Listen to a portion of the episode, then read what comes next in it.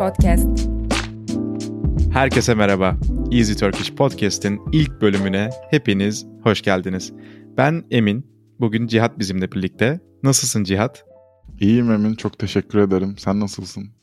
Ben de iyiyim, teşekkür ederim. Easy Turkish YouTube videolarını izleyen varsa beni e, tanıyor olma ihtimalleri var. Ancak sen ekibimize yeni katıldın. Bize kendini tanıtır mısın? Tabii ki. Söylediğin gibi ben Easy Turkish e, ekibine yeni katılıyorum. Benim bu ekipteki görevim de sana podcast e, içeriğinde yardımcı olmak. Biz beraber bu podcast yapacağız diye konuştuk. Uzunca yıllardır arkadaşız. Her zaman sohbet etmeyi çok sevdik. Çok çeşitli konularda araştırmalar yapıp birbirimize anlatıp böyle abi ya gerçekten bu böyle miymiş? Aa böyle de mi bir şey varmış diye çok konuştuk. Dedik ki artık bunu bir içerik haline getirelim mi? Easy Turkish Podcast fikrini seninle konuştuğumuzda da bunu ikimizin güzel yapabileceğini düşünmüştük. Beni de insanlar zamanla e, fikirlerimi, olaylara karşı bakış açılarımı dinledikçe daha iyi tanırlar diye düşünüyorum. Çok heyecanlıyım. Bu bizim projemizin ilk bölümü. Uzunca zamandır bir e, deneme bölümleri çekiyorduk ama bu sayeden ilk bölümümüz. Bakalım nasıl olacak. Gerçekten merakla bekliyorum ben de herkes gibi. Evet ben de bu konuda gerçekten çok heyecanlıyım. Kendi aramızda sohbet ederken sürekli e, ne kadar güzel konulardan bahsediyoruz, ne kadar güzel sohbet ediyoruz diye düşünüyoruz. Ama bakalım bunu e, insanlara sunarken o kadar başarılı olabilecek miyiz? Ben de bunun heyecanı içerisindeyim. ben güzel olacağını düşünüyorum çünkü yani e, aklımızdan geçenleri konuşacağız. Her hafta bir konu belirleyeceğiz. O konu hakkında düşüncelerimizi, fikirlerimizi, araştırmalarımızı anlatacağız. Bunları anlatırken insanların da yorumlarını görebileceğiz. Bize geri dönüşler sağlayacaklar. Onlar sayesinde biz de çok fazla şey öğreneceğiz. Yani biz bu şey sadece biz konuşuyoruz ve paylaşıyoruz olsun istemiyoruz sonuçta. Etkileşimlerle beraber daha interaktif bir hale getirmek istiyoruz. O yüzden ben bayağı heyecanlıyım. Sadece ben fikirlerimi ve düşüncelerimi anlatacağım. İnsanlar da beni dinleyecek diye düşünmüyorum yani. O geri dönüşleri almak, insanların o konularda ne düşündüğünü öğrenmek benim için de öğretici olacaktır. Ben bayağı heyecanlıyım söylediğim gibi. Evet evet kesinlikle. Her hafta bir konumuz olacak dedin. O zaman ilk haftamızın konusuyla başlayalım. Haftanın konusu. Ee, ne olsun ne olsun diye düşünürken 2019 yılında YouTube videoları yapmaya başlarken ilk konumuz, ilk video konumuz İstanbul oldu. Podcast'imizin de ilk konusu yine İstanbul üzerinden olsun dedik. Çünkü ikimiz de bu şehirde doğduk, bu şehirde büyüdük, e, bu şehirde yaşamaya devam ediyoruz. O yüzden ikimizin de söyleyeceği çok şey vardır bu bu dünyanın en popüler şehirlerinden birisi olan İstanbul hakkında. Ee, ne düşünüyorsun sence konu seçimi olarak İstanbul nasıl bir konu? Ya çok genel bir konu. Herhangi bir şey konuşabiliriz ve gerçekten saatlerce de sürebilir. Eminim İstanbul'da yaşayan herkes buna katılacaktır yani. Hani çok spesifik bir problemi dahi saatlerce konuşabiliriz. Çünkü İstanbul'un içinde çok fazla değişken var. Trafiğinden bahsedebiliriz, güzel mekanlarından bahsedebiliriz, çok sevdiğimiz yerlerinden bahsedebiliriz. Ve gerçekten bunların hepsi üzerine saatlerce konuşulabilecek meseleler. O yüzden hani güzel bir başlangıç olur diye düşünüyorum ve söylediğin gibi ikimiz de 25 senedir burada yaşıyoruz. O kadar fazla yaşanan şey var ki o kadar Benim fazla 26 oldu ya. Benim daha 26 olmadı. Ağustos ayında olacak. Evet. 5 evet. ayımı bekliyorum. Ya dediğin gibi konuşacak İstanbul hakkında o kadar çok konu var ki İstanbul'un trafiği hakkında konuşmaya başlasak herhalde 2-3 saatlik bir bölüm çekeriz en az. Ve en az yani o trafikte e, sıkıldığım kadar da sıkılırım orada konuşurken. Sinirlenir ve sıkılırım onu da biliyorum yani. Çünkü hani daha yani şunu hemen söylemek istiyorum. Ben az önce dışarıdaydım eve yeni geldim. Bugün Trabzonspor şampiyon oldu. E, Türkiye Futbol Ligi'nde şampiyonluklarını ilan ettiler. Bitti. Sezonu kazandılar ve yani öyle büyük bir kalabalık var ki dışarıda Maslak'tan geçerken tüm şeritler kapalı bir şekilde Trabzonspor taraftarları şampiyonluk kutluyorlardı ya bunun güzel bir şey olduğunun bilincindeyim ama bir şehri kitlemeye yeter mi? Evet yetiyor. Köprü kapalı. İşte yolların hepsi kapalı. İnsanlar çok eğleniyor. Bu enerjilerini çok seviyorum. Ama evime gitmem günün sonunda bir saat sürüyor ve bu şehrin böyle bir gerçeği var yani. Bir trafik sorunumuz var. Hani çok seviyorum diyeceğim İstanbul hakkında hep ama trafiği çok kötü diyeceğim yani. Bir yerden bir yere gitmek çok uzun sürüyor diyeceğim kesinlikle. Evet İstanbul hakkında bahsederken sürekli ama diyeceğimiz bir e, içerik olacak herhalde. Çünkü İstanbul artı tarafları da eksi tarafları da çok yoğun bir şekilde yaşatan bir şehir. Kesinlikle katılıyorum. Nasıl başlamak istersin? İstanbul'da en çok sevdiğin yeri bize söyler misin? Nereye en çok seviyorsun? Nereye gitmekten hoşlanıyorsun?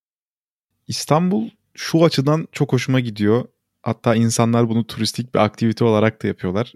Avrupa yakasıyla Asya yakasını birbirine bağlayan ve jeopolitik konumu da gerçekten çok önemli olan bir şehir. Ee, nereye gitmeyi seviyorsun sorusunun da sonsuz cevabı var. Yani sadece Avrupa yakasında bile binlerce yer sayılabilir. Asya yakasında binlerce yer sayılabilir. Benim favori gitmeyi en sevdiğim yer şahsen Emirgan sahili. Emirgan korusu. O civarlar. Oradan Boğaz'ın o içerisinde yürüyüş yapmak, o manzaranın içerisinde olmak bana her zaman farklı bir huzur veriyor. Ee, benim için cidden çok özel bir yeri var oraların. Peki senin e, gitmeyi en çok sevdiğin yer neresi İstanbul'da? Nerelere gitmeyi, neler yapmayı seviyorsun İstanbul'da? Söylediklerine katılıyorum. Bence de sayeden İstanbul'un bir ders kitaplarında anlatılabilecek kadar e, çok büyük önemi olan yerler var. Sur içi kısmı var yani ilk fethedilen dönemde İstanbul surlarının bulunduğu nokta oranın çok önemli bir tarihi dokusu var. Oranın çok önemli tarihi özellikleri var. Orada böyle gezebileceğin yerler ee, çok fazla oraların hepsini gezmek bir güne bazen sığmayabiliyor. Ama şahsen ben 7 yıldır Sarıyer'de yaşıyorum ve Sarıyer'i o kadar çok seviyorum ki Sarıyer'in doğası, yeşilliği, burada böyle Rumeli Feneri'ne gitmek, Rumeli Feneri'nde bir kahvaltı etmek, Garipçe'ye gitmek, orada deniz kenarında oturmak, Sarıyer sahiline inmek. Sanki böyle hem İstanbul'daymışım hem de böyle kırsalda bir kasabadaymışım gibi hissettiriyor bana. Bu ikisinin böyle kesiştiği yerde bulunmak çok hoşuma gidiyor. İstanbul'un Avrupa yakasının kuzey bir bölgesi burası. Hani Karadeniz'e de sınırı var diyebiliriz. Üçüncü köprünün bulunduğu bölgedeyim ben. Ama Sarıyer'i çok seviyorum dediğim gibi. Hani sanki şehir dışına çıkmışım gibi hissettiriyor bazen. Hani biz hatta şöyle diyoruz aramızda. Şehre inelim işte hani Taksim'e, Levent'e falan gideceğimizde Nişantaşı'na ha şehre inelim o taraflara gidelim diye konuşuyoruz. Hani öyle ayrı bir kasaba gibiyiz yani. Ben İstanbul'un bu kısmına bayılıyorum. Ama gerçekten dediğin gibi İstanbul'a yani hem çok yakın hem de çok uzak. Sen oraya taşındığından beri zaten görüşme sayımızdaki e, düşüşte biraz dramatik. E, ama kesinlikle Sarıyer'e gittiğimde oranın çok daha farklı bir dokusu olduğunu, çok daha farklı bir havası olduğunu ben de fark ediyorum. Aynen öyle. Yani bunun karşıda da örnekler var. Beykoz tarafı da buraya benziyor mesela. Yeşilliği çok bol bir bölge. Evet. Ee, daha az insanın yaşadığı bir bölge. Belki nüfus olarak çok fazla insan olabilir ama yoğunluk olarak öyle değil. Evler daha ayrı ayrı oluyor. Daha site bölgeleri falan oluyor. Oralar güzel. Ama bunun yanı sıra mesela işte hani burayı çok sevmeme rağmen ben bu şehrin merkezlerine de aşığım. İstanbul'un sadece bir merkezi yok. Birden fazla merkezi var. Avrupa yakasında bile 3-4 tane böyle merkezi alan vardır minimum olarak söylüyorum bunu. Mesela ben Taksim'e gitmeye çok bayılmam açıkçası çünkü çok kalabalık olduğunu düşünüyorum. Taksim'e dolaşırken böyle biraz sıkıldığım oluyor yani kalabalıktan böyle kaçmak istiyorum bir yerlere. Ama her zaman Taksim mesela İstanbul'un kalbi gibidir ve çok özeldir gibi düşünüyorum. Evet İstanbul'un yani binlerce kalbi var diyebiliriz. Şimdi evet. Avrupa şehirlerine baktığında işte Old Town olarak nitelendirilen tek Hı-hı. bir yer oluyor ama İstanbul'da bunun için işte Eminönü diyebilirsin, Sultanahmet diyebilirsin, Taksim diyebilirsin, Üsküdar diyebilirsin. Sonsuz sayıda yer var gerçekten. İstanbul birden çok kalbi olan bir şehir gibi gerçekten. Evet ben de katılıyorum ve mesela ikimiz Avrupa yakasında yaşadık hep yani. E, genel olarak daha iyi bildiğimiz bölge Avrupa yakası ama ben Anadolu yakasına son zamanlarda çok daha fazla gitmeye başladım.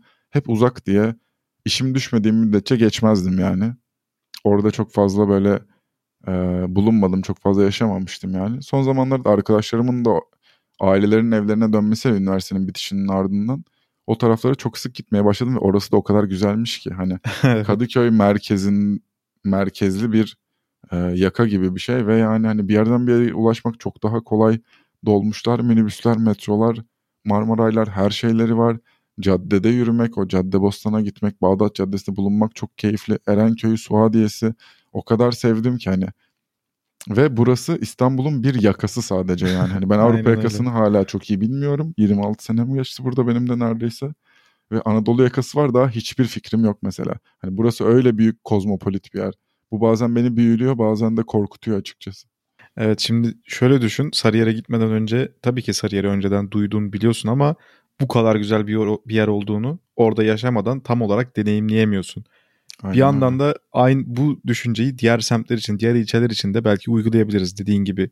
işte Suadiye'si, Kadıköy'ü, Erenköy'ü vesaire belki onlar da çok inanılmaz eşsiz deneyimler sunuyor ve biz bundan bir haber yaşıyoruz şu anda. E, aynen öyle yani şöyle bir düşüncem var bu konuyla alakalı. Ya bir yerin nasıl gözüktüğü ve e, içinde neler barındırdığından daha çok oradaki anıların, orada Kesinlikle. geçirdiğim vakit, oradaki tecrübelerin önemli olduğu için İstanbul bu anlamda çok zengin diye düşünüyorum. Çünkü dünyanın her yerinden, her etnik kökenden, Türkiye'nin her şehrinden insanın yaşadığı şehir İstanbul. Burada her şeye rastlayabiliyorsun. Gerçek bir karmaşa var yani. Bunun içinde o güzel anları yakalamak da çok keyifli oluyor. Bir sokak arası lok- lokantasına girdiğinde hayatında yediğin en iyi kebabı yiyebiliyorsun mesela. Ama ismini cismini kimse bilmiyor oluyor. Ben bu anlara çok değer verdiğim için o lokal semtlere gitmeyi, o lokal restoranlara gitmeyi de çok seviyorum. Bir yerin özel bir şey varsa onları da yemeyi çok seviyorum ki burada çok fazla var yani. İstanbul'un bu anlamda çok çok çok zengin olduğunu düşünüyorum. Tam bir böyle kültür yelpazesi gerçekten. Aynen öyle. Mesela İstanbul'da beni en çok şaşırtan konulardan birisi şu. Birisine bir mekan önerisi yapacaksın mesela. Atıyorum en iyi köfte nerede yenir? Sen diyorsun ki Ahmet Usta'nın yeri diyorsun mesela. Aslında senin o çok gittiğin sınırlı yerler arasındaki belki en iyi yeri biliyorsun. Evet. Karşıdaki sana diyor ki aa diyor sen Mehmet Usta'nın yerini bilmiyor musun falan. Mesela merak ediyorsun gidiyorsun gerçekten orası da harika bir şey yapıyormuş falan. O yüzden e, sonsuz imkan, sonsuz öneri yapılabilecek yer. Ya gerçekten İstanbul anlatılabilecek gibi bir şehir değil tam olarak. E, aynen öyle. Gerçekten burayı dolu dolu yaşamak için çok uzun bir vakte ihtiyaç var. Evet. Çok fazla imkana ihtiyaç var. Hani öyle bir vakte sahip olmak bile mümkün değil diye düşünüyorum. Çünkü her semtin, her ilçenin senin söylediğin gibi ya iki farklı yakanın bile farklı hikayeleri var. Bunu çok çok absürt buluyorum bazen. Evet. Ama bu açıdan da çok seviyorum. Ama hani bunu vurgulamak zorundayım. İşte çok fazla insanın yaşadığı bir şehir olduğumuz için nüfus yoğunluğumuz çok fazla ve bu sebepten ötürü öyle bir kalabalık var ki bu şehirde aslında. Hani bir yerden bir yere gitmekten bahsettik ya konuşmanın başında. Hı hı. Ya bazen o kadar zor olabiliyor ki yani ben Nişantaşı'ndaydım bugün. Sarıyer'e geldim. Bunlar e, kuşçum mesafe olarak birbirine çok uzak yerler değil aslında. Ha benim eve varmam bir araçla, bir arabayla yaklaşık 40 dakikaya yakın sürdü. Ve biliyorum yani hani ben mesela 40 kilometre yol yapmadım. Başka bir Anadolu şehrinde hani Türkiye'nin başka bir vilayetinde 40 dakika bir yerden bir yere gitmek için çok uzun bir süredir. Kesinlikle. Ve biz o 40 dakika bittiğinde eve vardığımızda az önce arkadaşımla şeyi konuştuk. Ya yol da açıktı yani hani o şampiyonluk kutlaması dışında trafikte olmadı. İyi geldik aslında. Hani bizim için zaman algısı gerçekten çok daha farklı çalışıyor. Bir yerden bir yere gitmek için bir saat civarı süre çok iyi süre diyoruz. Evet. Ama aslında günün 24'te biri yani. Bu inanılmaz bir şey bence. Ya bu navigasyon uygulamalarında bile e, tahmin edilen varış süresini işte atıyorum 40 dakika diyor. Sen otomatik olarak kafanda bir 10 dakika 15 dakika daha koyuyorsun mesela. Hani o uygulamalar bile e, verimli çalışmayabiliyor. O yüzden zaman algısı İstanbul'da biraz daha farklı çalışıyor gerçekten. Evet kesinlikle öyle yani ben biliyorum şimdi ailemde e, şu anda Trabzon'da yaşadığı için bir yerden bir yere gitmek gerçekten oralarda bu kadar uzun sürmez. İlçe değiştirmen gerekir. İlçe değiştirmekten kastım da gerçekten bambaşka bir dünyaya varmak gibidir yani hani Evet. orada hani büyük bir olaydır 30 kilometre gitmek 40 kilometre gitmek. Ve o da 40 dakika sürer 50 dakika sürer maksimum. Bizim burada ben şu anda kalkıp senin yanına gelmeye kalksam biliyorum yani bir saat falan yol gideceğim mesela. İkimiz de aynı yakada oturuyoruz aslında. O kadar Aynen da uzak öyle. değiliz ama bir saat sürer diye düşünüyorum. Bu da İstanbul'un çok sevdiğim özelliklerinden bir tanesi değil açıkçası. Bu böyle bayağı uyuz olduğum bir özelliği. Hani Bunu seven hayatımın yoktur herhalde. evet yani hayatımın yani günümün bir süresi ve önemli bir süresi kesinlikle yolda geçiyor benim. Yani e, benim mesela günde işe gidiş gelişim toplam en az 2 saat sürüyor. Ki bu çok insan hayatında ciddi bir süre bence. Evet, kesinlikle öyle. Uzun vadede baktığın zaman 10 sene çalıştığında çok önemli bir süreyi sen yolda geçirmiş oluyorsun Evet. ve trafikte geçirmiş oluyorsun diyorum ya bu böyle İstanbul'un gerçekten en yaralayıcı özelliği olabilir. O yüzden işine çok yakın bir evde oturmak İstanbul için çok iyi bir senaryo. Ama onun denk getirmek de çok zor çünkü dediğimiz gibi burası bir metropol. Nerede ne iş yapacağım bile çok fazla öngörülemeyebiliyor. O zaman son olarak şöyle diyebiliriz. Yani İstanbul size çok fazla şey sunuyor ama bedel olarak da çok ağır şeyler istiyor. Evet zamanınızla ödüyorsunuz bu bedeli gerçekten. Ama bu, bu bir bağımlılık. İstanbul'da yaşamış birisinin başka bir şehirde çok rahat edebileceğini düşünmüyorum. Belki rahat edebilir ama e, garipser diye düşünüyorum başka şehirleri. Çünkü buranın bu kaosuna, kargaşasına çok alışkınız yani. Buradaki o belirsizlik burada yaşayan herkesin kanına işlemiştir bence. Peki sana İstanbul'la ilgili o zaman bir soru sorayım. İstanbul'da yaşamanın en iyi tarafı ne? En iyi yönü? İstanbul'da yaşamanın en iyi yönü herhalde bitmek bilmeyen ihtimaller diye düşünüyorum. Yani bir akşam bir karar verdiğinde ben acaba nereye gitsem dediğinde bu sadece gece dışarı çıkıp eğlenmek anlamında olmak zorunda değil. Yemek yemek olabilir, yeni bir yer görmek olabilir. İstanbul sana sonsuz tane seçenek sunabiliyor. Hiç ya bir arkadaşına bir gün oturursun ve şuraya gittim mi der sana ve sen hayatında belki hiç duymamışsındır. İstanbul'un böyle çok fazla fırsat sunma özelliği var ve bunun en güzel yanı olduğunu düşünüyorum. Yani kafana koyarsan yapmak istersen yapabileceklerinin sınırı yok bu şehirde gerçekten. Peki senin için en güzel, en iyi yanı ne sence? Ben de benzer bir cevap vereceğim. İstanbul'un en meşhur gezilecek yerlerine tekrar tekrar gittiğimde yaşadığım o e, değişik heyecanlar, değişik hisler e, beni çok etkiliyor. Sultanahmet Meydanı'na belki bin kere gitmişimdir ama bininci de gittiğimde bile yine çok farklı hisler yaşayabiliyorum. E, çok farklı bir dokunun içinde olduğumu hissedebiliyorum. O yüzden çok özel bir şehirde yaşadığımı bilmek e, İstanbul'un en iyi yönlerinden birisi benim için. Buna ben de katılıyorum. Hatta aklıma çok net bir örnek geldi bu konuda. Yere batan Sarnıca çocukluğumdan beri her gittiğimde çok etkileniyorum. Değil mi? o işte içindeki ışıklandırma miktarı olsun, yani estetik olarak çok tatmin edici bir yanı olması olsun. Oradaki o bir tane Medusa heykeli var. Onun görüntüsü olsun. Yani çocukken aklıma işlemiş. Son zamanlarda hiç gitmedim ama yıllar önce gittiğimi hatırlıyorum. Lisedeyken en son gitmiştim sanırım. Gittiğim zamanda da yine çok etkilenmiştim. Hani bu çeşit çok detay, çok güzel yerleri olan bir şehir İstanbul. Bu da beni çok hoşuma gidiyor, beni çok yükseltiyor açıkçası. Evet. Peki herkesin belki de tahmin edebileceği bir soru olacak cevabını ama İstanbul'da yaşamanın en kötü tarafı sence ne?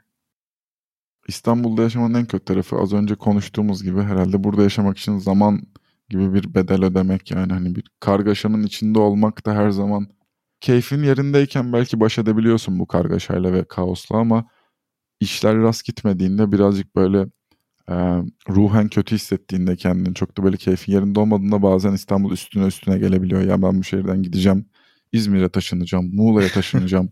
Bunlar çok sık duyduğumuz şeyler. Bizim Antalya'ya gideceğim, ben orada yaşayacağım. Bizim Bunları bu yaşta bile bazen. Bizim bu yaşta bile söylemeye başladığımız şeyler aslında. Evet aynen öyle. Senin ne peki? Var mı böyle nefret ediyorum ya bunun olmasına hiç hoşlanmıyorum dediğim bir şey. Ya benim de yine benzer olacak. Trafik temelli olarak e, şehrin kalabalığı. Yani cidden Hı-hı.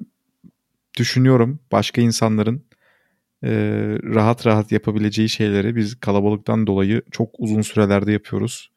Bu da insanı e, strese sokuyor.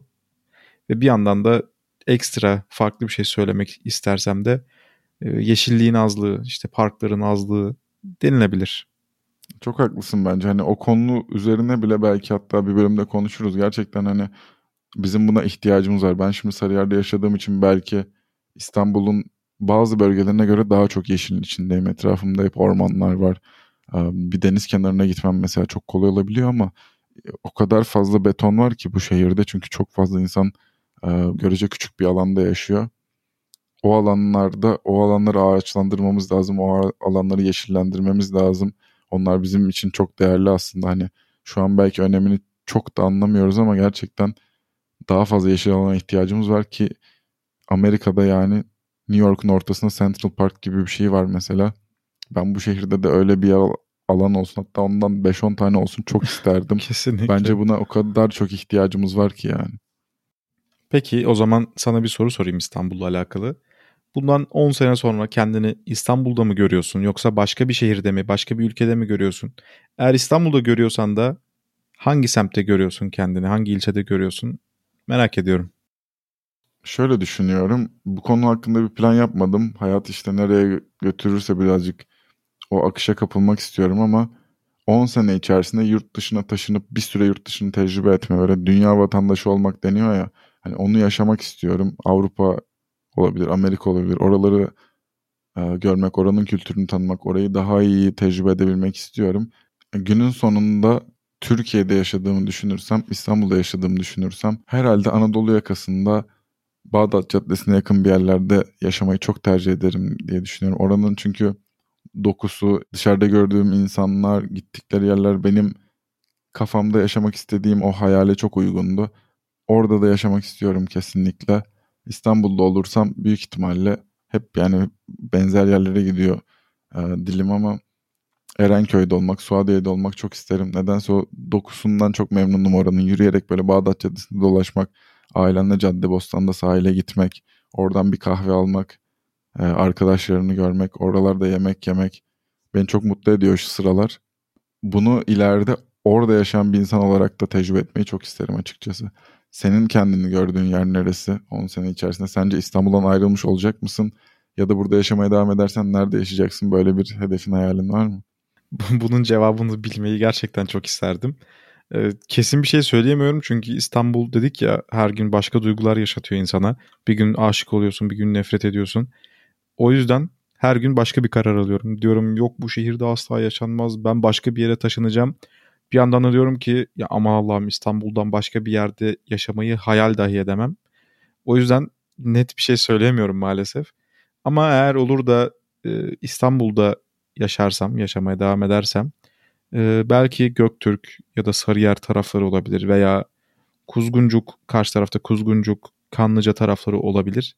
Hani böyle biraz daha sakin yerlerde, güzel manzarayı, boğazı görebileceğim yerlerde ya da yeşilliğin içinde bir yerde yaşamayı tercih ederim diye düşünüyorum. Sen daha izole yanıtlar verdin. İstanbul'un böyle daha e, kalabalıktan ve işte kargaşadan muaf alanlarını seçtiğin gibi geldi bana. Ben de tam tersi şu anda şey düşündüm. Buna Cihangir'de diyebilirdim bu soruya. Cihangir'de yaşamayı da nedense çok istiyor. İstanbul'da mesela bu da çok sık oluyor. Bir yere gidiyorum diyorum ki burası ne kadar güzelmiş. Ya işte kesinlikle. hani inanın mesela çok basit bir şekilde Anadolu yakasında metrobüste işte metrobüse gidiyorum Kadıköy doğru Söğütlü Çeşme'ye doğru. Fikirtepe'den geçerken bu birkaç sene önce oluyor sanırım. Daha önce böyle gece kondu bölgesi olarak gördüğüm bölgede uzayan giden rezidanslar görünce o gökdelenleri görünce şok oldum mesela. Hani bambaşka bir şey vermiş. Hani orası değişmiş mesela. İstanbul yani kentsel dönüşümün varlığı işte her sürekli yeni insanların gelmesi, bazı insanların da gitmesi. Şehirde o kadar hızlı değişiyor ki belki de Göktürk mesela sakin dediğimiz, e, rahat dediğimiz yerden bambaşka çok böyle kaotik bir yere de dönüşebilir. Şimdi ben Göktürk'e evet, yakın evet. bir yerde çalışıyorum ve biliyorum yani şehir oralara doğru büyüyor ve Göktürk'te çok hızlı gelişiyor. Şu an bir kasaba gibi hani izole bir kasaba gibi, kaliteli bir kasaba gibi ama böyle şehir de Göktürk'e yaklaşmaya başladı açıkçası. Bir de gün be gün bunu gözlemleyince de çok ilginç oluyor yani. Düşününce şöyle bir yıl boyunca o yeşillik olarak gördüğün yerler ya da herhangi bir bina yapı olmayan yerlerin gittikçe dolması çok ilginç bir his aynı zamanda. Aynen öyle. Böyle hani uzaydan çekilmiş görseller oluyor ya uydu görselleri. Hani yeşil miktarın azaldığını aynen hayal edebiliyorum şu anda böyle. Bir böyle time lapse videosunda böyle yavaş yavaş o yeşiller gidiyor yerine betonlar geliyor. Maalesef aynen öyle. biz bunu yaptık yani. Hani hepimiz İstanbul'a taşınıyoruz. Çünkü ticaretin de merkezi burası. İşte tüm e, şirketlerin genel merkezleri çoğunlukla burada öğretmeni de buraya gelmek istiyor, doktoru da buraya gelmek istiyor, esnafı da burada olmak istiyor. Genel olarak herkes koştura koştura İstanbul'a geliyor. Üniversitelerin en iyileri çoğunlukla İstanbul'da, bazıları da Ankara'da. O yüzden öğrenciler de İstanbul'a gelmek istiyor. Yani hani öyle bir büyüyoruz ki öyle logaritmik artıyor ki bu grafik ve sonunun gelip gelmeyeceğine dair bir fikrim yok açıkçası. Hani bir gün bu şehirde 50 milyon insan yaşarsa ben şaşırmayacağım açıkçası. Ya böyle bir cazibe merkezi olmaya devam ederse 50 milyon da olur yani çok e, ütopik bir şey değil söylediğin. Aynen öyle hani taşı toprağı altın e, denen bir yer böyle bir tabir var mesela. Hani şu an hala böyle düşünülüyor mu bilmiyorum. Bu böyle çok 20-30 sene belki 40 sene öncesinin lafıdır ama şu anda taşı toprağı beton olmuş durumda birazcık. taşı toprağı insan yani. Aynen öyle. Ya insanların akmaya devam ettiğini düşünürsek taşı toprağı demek ki altın ki insanlar akmaya devam ediyor. Yoksa nüfusu azalan bir şehir olurdu. Evet ama mesela şu an sana bir teklifte bulunulsa deseler ki Emin işte güney şeridinde bir yere gideceksin. Şu an kazandığın parayı kazanacaksın. Yine benzeri bir kariyer yolun olacak. Eşinle beraber oraya gitmek ister misin? Mesela ne düşünürdün? Şu an hani bunu masaya koydu birisi diye. Şu anda gitmem herhalde ya. Çünkü burada potansiyelin limitin üst sınırı yok. kendin belirliyorsun diyebilirsin buna. Ama güneyde bir şehirde bilmiyorum yani standart bir hayat. Yani şu an genç olduğum için de bunu düşünüyor olabilirim. Ama şu anda kabul etmezdim herhalde. Sen? Ya ben de kabul etmezdim diye düşünüyorum. Bu çok güzel söyledin aslında. Oradaki o kelime de durulmak birazcık. Hani o biraz işte emekli hayatı hani. Hayatta artık Aynen. yapacaklarımı yaptım ve artık sakin bir hayat yaşamak istiyorum. Huzurlu bir hayat yaşamak istiyorum. Hani e, basit dertlerim olsun istiyorum düşüncesi gibi geliyor bana. Oysa ki hani şöyle bir seçenek olmaması çok üzücü. Hem huzurlu, mutlu ve sakin bir hayat yaşayıp hem de başarılı olamaz mısın? İlla sinir, stres ve böyle kaos mu olması lazım? Bu da düşündürücü açıkçası. Ben ya ben gitmezdim. Ama oradaki hayatı da burada yaşamak isterdim yani anlatabildim mi bilmiyorum hani evet. o huzurun o mutluluğun yani mutluluk belki göreceli bir şey bu konuda ama o sakinliğin dinginliğin yanında bir de potansiyeli olan söylediğin gibi bir şeyler başarabildiğim kovaladığım zaman karşına alabileceğim bir yerde olmayı çok isterdim. İstanbul'un böyle bir yöne doğru gitmesini de çok istiyorum kendi adıma şu ana dek çünkü daha farklı bir yer çok çabalaman gereken bir yer yani ben toplu taşımada insanlar gördüğüm zaman çoğunlukla bir yerden bir yere yetişmeye çalışıyor oluyorlar. Hani insanların suratında böyle çok mutluluk görmüyorum. Bunun pek çok sebebi var. Kültürel sebepleri vardır, ekonomik sebepleri vardır ama bu şehrin o boğucu yanının da yani hani tekrar özellikle vurgulamak istiyorum. Maalesef burada yaşamak da bizim böyle gülerek anlattığımız kadar kolay değil yani. Buradan da herkese kolaylıklar dileyelim. Aynen öyle. Ee, yavaş yavaş İstanbul'u İstanbul konusunu e, kapatalım ve bir sonraki e, konumuza geçelim. Haftanın tavsiyesi. Bu bölümde size ya bir şarkı tavsiye ediyoruz ya da bir dizi, bir film tavsiye ediyoruz. Ancak ilk bölüme özel hem bir şarkı tavsiye edeceğiz hem de bir tane dizi tavsiye edeceğiz. Şarkıdan başlamak ister misin Cihat? Tabii ki. Ee, bu şarkıyı herhalde Türkiye'de 2000'lerin başında yaşamış olan herkes duymuştur diye düşünüyorum. Ama tekrar özellikle konunun İstanbul olduğu bir bölümde bunu söylemeden geçmek istemedik. Seçtiğimiz şarkı İstanbul'da Sonbahar, Teoman'ın şarkısı. Ancak bu şarkıyı e, gün içerisinde değil de daha çok böyle akşama, geceye doğru ben dinlenmesini şahsen tavsiye ederim. Yani özellikle böyle gözler kapatılıp böyle sakin bir şekilde dinlerseniz şarkının etkileyiciliği bence çok daha fazla oluyor. Yani herhangi bir şarkı için böyle tavsiye edilen tüketim zamanı duymamıştım. Bu benim adıma da bir ilk oldu. Akşam üzeri ve akşam saatleri. Aç karna. evet onun gibi oldu. Yani hani şuna katılıyorum. İstanbul'da sonbahar böyle hüzünlü bir şarkı olduğu için. Çünkü bir sonbahar durumunu anlatıyor. Ve Teoman yani muhteşem bir şair. Hani bu ülkenin belki de çok ikonik isimlerinden bir tanesi. İstanbul'da sonbahar evet. da hani tekrarlıyorum kendimi ama gerçekten dinlemeyen çok az insan olmuştur. Yani ismini bilmese dahi radyoda duymuştur en azından diye düşünüyorum. Hani çok basit bir aşk hikayesini, çok basit bir e, sevgi halini çok naif anlatıyor ve hani İstanbul'da Sonbahar ismi çok doğru bir isim diye düşünüyorum. Çok güzel bir etiket yani. İstanbul'da sonbaharın öyle hüzünlü bir yanı var. Zaten sonbahar hüzünlü bir şeyken hani İstanbul'da bunu yaşamak işte Beyoğlu'nda dolaşmak o esnada böyle ellerin cebinde hafif hüzünlüsün başın önüne eğik kendimi öyle canlandırabiliyorum yani belki kaç defa o pozisyonda bulunmuşumdur. ben o kadar derin düşünerek bu tavsiyeyi vermemiştim ama sen beni etkiledin açıkçası. ya Teoman işte anladım. O gençlikte bize onu aşıladılar yani. evet buna da Teoman'ın etkisi diyebiliriz. Aynen öyle. Dizi tavsiyesi olarak da e, İstanbul'un sokaklarını çok sık göstermesiyle e, İstanbul'un dokusunu çok güzel hissettirmesiyle ben Ezel dizisini önereceğim. Ama tabii ki önerme sebebim bunlar değil. Asıl önerme sebebim dizinin gerçekten harika bir dizi olması. Ee, sen ne düşünüyorsun? Ya %100 katılıyorum. Yayınlandığı dönemde de insanların hani çok severek izlediğini tabii ki hani tüm Türkiye sevdi ve izledi. Çok fazla böyle fanatiği oldu. Çok fazla seveni oldu dizinin. Belki şu anda eskisi kadar gündemde değil çünkü popülerliği biraz azalıyor. Yeni jenerasyon Ezel'i izlemiştir diye düşünüyorum ama eskisi kadar böyle gündemde değil çünkü televizyonda canlı olarak yayınlanmıyor an itibariyle hani aktif olarak televizyonda bulunmuyor. Ama insanlar YouTube'dan açıp izliyorlar, işte internetten kayıtlarını bulup izliyorlar ve ben mesela iki defa izledim sanırım. Televizyonda izlediğim ek olarak söylüyorum yıllar içerisinde ve her izlediğimde çok etkilendim. Hani Türk dizi tarihinin en önemli dizilerinden bir tanesidir Kesinlikle. ihtimalle. Hani oyunculuklarını ya bunun hakkında bile bir bölüm yapabiliriz diye düşünüyorum. Hani vardır eminim bu konu hakkında da konuşulabilecek bayağı bir şey. Herkesin oyunculuğu çok iyi. Anlattığı hikaye çok iyi. Biraz Monte Cristo Kontu'dan esinlenme veya hani onun biraz uyarlaması gibi bir yapısı var ama onu böyle Türk e, mozaiğine çok iyi yedirilmiş olduğunu düşünüyorum. Hani Kesinlikle. oturup izlerken gerçekten etkileniyor insan. Bazı sahnelerini atladığım oluyor. Tekrar izlerken bunu yapmıştım. Bazı öyle hani Türk televizyonuna özgü dramatizasyon diye bir şey var.